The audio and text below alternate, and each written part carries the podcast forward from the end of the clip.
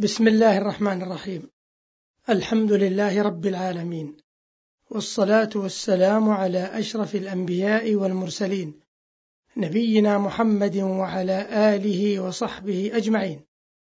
معاشر مستمعين الكرام سلام الله عليكم ورحمته وبركاته. أما بعد فإن الحديث ها هنا سيدور حول قول الله تبارك وتعالى إنا أنزلناه في ليلة القدر. فإن ليلة القدر ليلة كثيرة الخير شريفة القدر عميمة الفضل متنوعة البركات.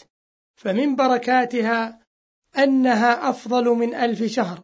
قال الله عز وجل ليلة القدر خير من ألف شهر أي أفضل من ثلاث وثمانين سنة وأربعة أشهر. ومن بركاتها أن القرآن العظيم أنزل فيها. قال الله عز وجل إنا أنزلناه في ليلة القدر وما أدراك ما ليلة القدر. وقال تبارك وتعالى إنا أنزلناه في ليلة مباركة إنا كنا منذرين. قال الشيخ محمد الطاهر بن عاشور رحمه الله في تفسير سورة القدر وبيان أغراضها. قال رحمه الله أما أغراضها فالتنويه بفضل القرآن وعظمته بإسناد إنزاله إلى الله تعالى والرد على الذين جحدوا أن يكون القرآن منزلا من الله تعالى ورفع شأن الوقت الذي أنزل فيه ونزول الملائكة في ليلة القدر إنزاله وتفضيل الليلة التي توافق ليلة إنزاله من كل عام. ويستتبع ذلك تحريض المسلمين على تحين ليلة القدر بالقيام والتصدق. إلى أن قال رحمه الله في قوله عز وجل إنا أنزلناه في ليلة القدر. قال اشتملت هذه الآية على تنويه عظيم بالقرآن فافتتحت بحرف إن وبالإخبار عنها بالجملة الفعلية وكلاهما من طرق التأكيد والتقوي. وقال رحمه الله وفي ضمير العظمة وإسناد الإنزال إليه تشريف عظيم للقرآن.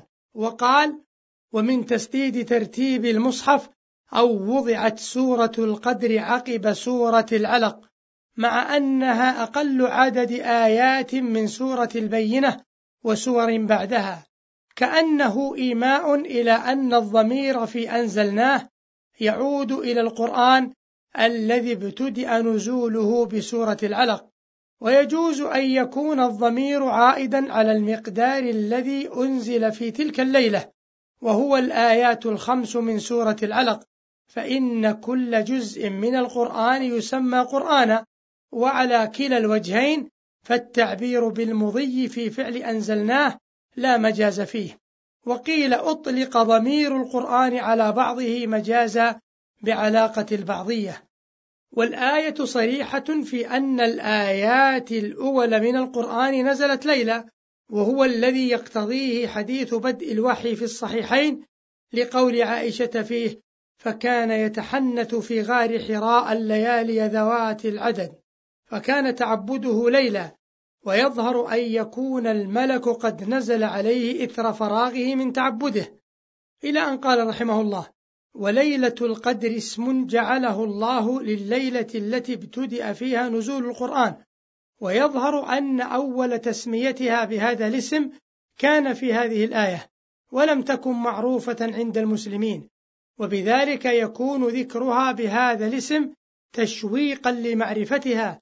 ولذلك عقب بقوله وما أدراك ما ليلة القدر والقدر الذي عرفت الليلة بالإضافة إليه هو بمعنى الشرف والفضل كما قال تعالى في سورة الدخان إنا أنزلناه في ليلة مباركة أي ليلة القدر والشرف عند الله تعالى مما أعطاها من البركة فتلك ليلة جعل الله لها شرفا فجعلها مظهرا لما سبق به علمه فجعلها مبدأ الوحي إلى النبي صلى الله عليه وسلم. والمقصود من تشريف الليلة التي كان ابتداء إنزال القرآن فيها تشريف آخر للقرآن بتشريف زمان ظهوره تنبيها على أنه تعالى اختار لابتداء إنزاله وقتا شريفا مباركا لأن عظم قدر الفعل يقتضي أن يختار لإيقاعه فضل الأوقات والأمكنة فاختيار فضل الأوقات لابتداء إنزاله ينبئ عن علو قدره عند الله تعالى كقوله عز وجل لا يمسه إلا المطهرون على الوجهين في المراد من المطهرين. وتفضيلها بالخير على ألف شهر إنما هو بتضعيف فضل ما يحصل فيها من الأعمال الصالحة واستجابة الدعاء ووفرة ثواب الصدقات والبركة للأمة فيها. لأن تفاضل الأيام لا يكون بمقادير أزمنتها ولا بما يحدث فيها من حر أو برد أو مطر ولا بطولها أو بقصرها فإن تلك الأحوال غير معتد بها عند الله تعالى. ولكن الله يعبأ بما يحصل من الصلاح للناس أفرادا وجماعات وما يعين على الحق ونشر الدين. وقد قال في فضل الناس إن أكرمكم عند الله أتقاكم. فكذلك فضل الأزمان إنما يقاس بما يحصل فيها لأنها ظروف للأعمال وليست لها صفات ذاتية يمكن أن تتفاضل بها كتفاضل الناس. ففضلها بما أعده الله لها من التفضيل كتفضيل ثلث الليل الأخير للقربات. إلى أن قال رحمه الله مبينا حكمة إخفاء تعيينها قال وحكمة إخفاء تعيينها إرادة أن يكرر المسلمون حسناتهم في ليال كثيرة توخيا لمصادفة ليلة القدر كما أخفيت ساعة الإجابة يوم الجمعة. انتهى كلام ابن عاشور رحمه الله. معاشر المستمعين الكرام ومن بركات ليلة القدر أن من قامها إيمانا واحتسابا غفر له ما تقدم من ذنبه. كما جاء في الصحيحين من حديث أبي هريرة رضي الله عنه.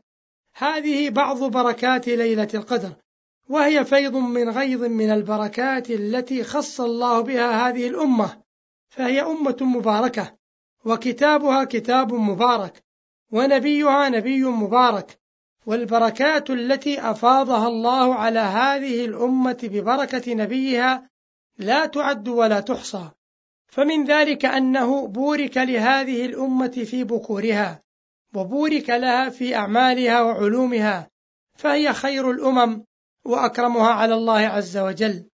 قال شيخ الإسلام ابن تيمية رحمه الله فكل من استقرأ أحوال العالم وجد المسلمين أحد وأسد عقلا وأنهم ينالون في المدة اليسيرة من حقائق العلوم والأعمال أضعاف ما يناله غيرهم في قرون وأجيال.